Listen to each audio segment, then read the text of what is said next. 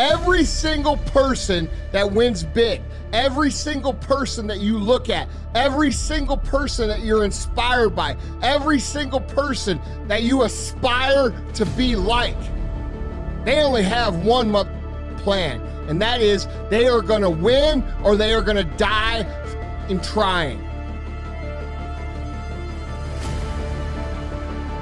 Most people truly don't understand what real commitment means. Anything worthwhile is going to be uncomfortable. Any goal that you want to achieve that's worthwhile in your life require all in effort. A lot of people they don't know my entire story and they think I was born this man that they see now. They they see what was created. They see the end of the job. They didn't see what, what it took to get there. It's you and you alone in the worst possible spot of your life. If you can find drive, determination, motivation in those times alone, you figured it out. Many of us can't can't find strength there, but there's so much strength in the dungeon because so many people just stay there. It's that motherfucker who's willing to come out of it that becomes glorious at the end of it all. The people who go all in, the motherfuckers who burn the ships and leave themselves no other option but success those people are dedicating all their skills, all their resources, all their energy into producing a specific outcome. And if you're competing against someone who's going all in with every resource they have, and you're only going half in because you're half in and you're half out, guess what? You're gonna lose. You gotta start thinking I'm the greediest motherfucker in the world. Your dehydration? Fuck it. Lick your motherfucking lips. Your fucking legs are all sore. You feel you got shin splints and stress fractures? No, you don't. You got sore fucking legs. Get out of your head and stay hard. You guys out there with your plan B mentality, you need to take that shit, crumple it up, and set it on fucking fire because all it's gonna get you is more of what you already have.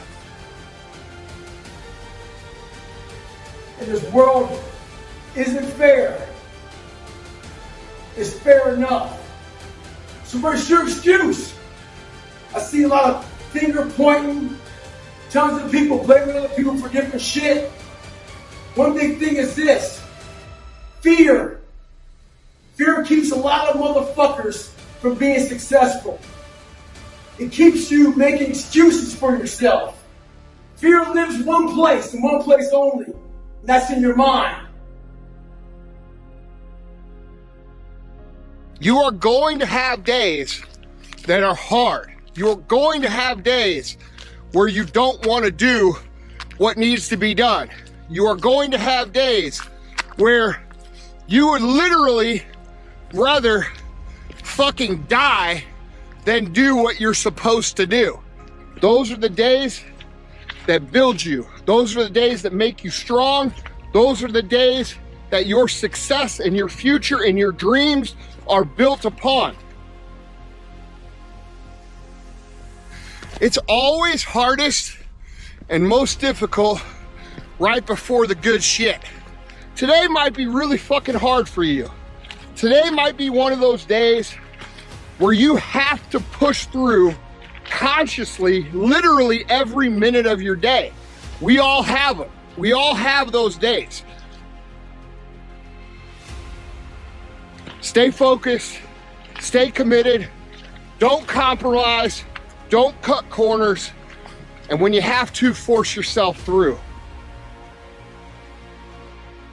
Isn't it about time you become that person you knew you always could be? How do you do that? You break the mold, guys. You get the fuck out of bed when it's cold, when it's early. You do something away from the normality of what you've been doing. That psychotic behavior. Doing the same thing, expecting a different result doesn't work that way. You must switch up the mainframe. Switch it up if you want a different result, man. Why not try it, man? Get up at 4 in the fucking morning one day. Just one day. And go for a fucking run. Commit to one day. And see how you feel. As you're jogging it back in around 5 or something. As your neighbors are still asleep. Or as you're jogging it back in at 6 o'clock. And your neighbor's just getting up, grabbing the coffee, looking outside. Wondering, you know, what the day's gonna hold for them. Well, your day's already provided something for you.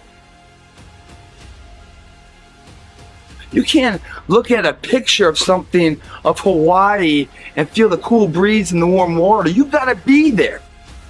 You can't talk it all the time. You gotta walk it. Commit to one day. Try it. See how it feels. Getting up that fucking early when everyone else is asleep, or it's that cold. When everybody else says no, this is not comfortable. We shouldn't do this. You say yes, motherfucker. I'm gonna introduce myself to it. Way you feel after that as exhausted or as how you know unpleasant as the experience might be, the after effect on how prideful you feel, man. Those days when I'm tired or worn out or just basically sick of the grind. What do I do on those days? I go anyways. I get it done, even if I'm just going through the motions. I go through the motions. I don't really want to work out. I work out. I really don't want to hammer on a project. I hammer on the project. Don't really want to get up and get out of bed. I get up and get out of bed. Don't give in to the immediate gratification that is whispering in your ear. Shut that down. Do not listen to that little voice. Chances are you will realize that the desire to rest was just weakness. It was just the desire to take the path of least resistance, the downhill path, the easy path. You callous your mind not through enduring a hard childhood or a hard life. It's enduring the things that make you uncomfortable